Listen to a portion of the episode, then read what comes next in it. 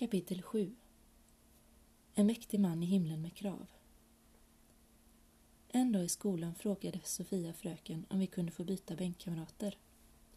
Sofia valde att hon ville sitta bredvid Amanda. Jag frågade Adrian om han ville sitta bredvid mig. Han såg sig om innan han svarade och alla var upptagna med att flytta bänkar. Kan vi inte... Han hann aldrig svara. För Liam dök upp och frågade om de två skulle sitta tillsammans. Adrian tittade på mig. Jag förstod ju. Jag hade gjort samma.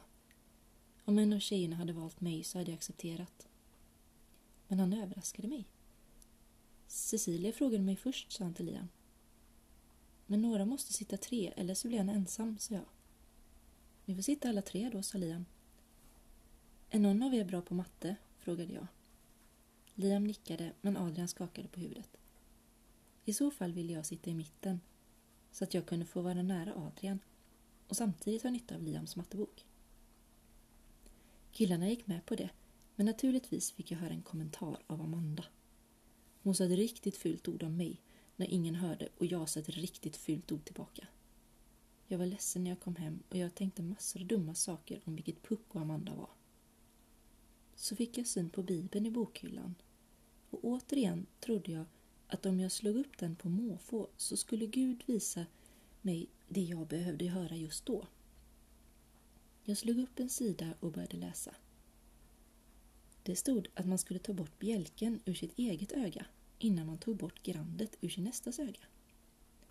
Jag trodde att det betydde att jag inte var så perfekt själv och att det var därför som Amanda hade rätt att säga dumma saker om mig för att jag måste vara felfri själv innan jag får säga till henne. Jag trodde att Gud höll med om att jag inte var något och att det var den inställningen jag själv måste ha för att duga inför honom. Jag slog upp ett annat ställe och läste. Då stod det att det var lika svårt för en kamel att ta sig igenom ett nålsöga som det var för en rättrogen att komma till himlen. Då blev jag orolig. Det var ju faktiskt omöjligt för kameler att ta sig igenom nålsögon.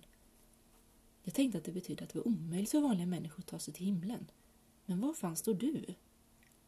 Mina funderingar bröts av att jag hörde nyckeln vridas om i låset och jag hoppades att det skulle vara Fredrik som kom och inte mamma. Det var Fredrik.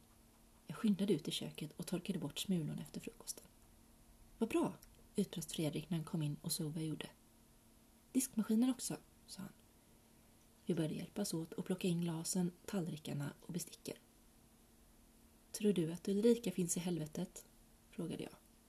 Nej, varför skulle hon göra det? Han satte in en blå kopp på andra hyllan. För att kameler inte kan gå igenom nålsögon. Han tittade skeptiskt på mig. Kan de visst, sa han. Jesus trollar igenom dem. Det har mamma sagt. Så då är hon i himlen? Jag stannade upp. Det är vad mamma tror. Och vad tror du? Vet inte. Får jag låna dina pennor? Han satte in sista tallriken och stängde skåpet.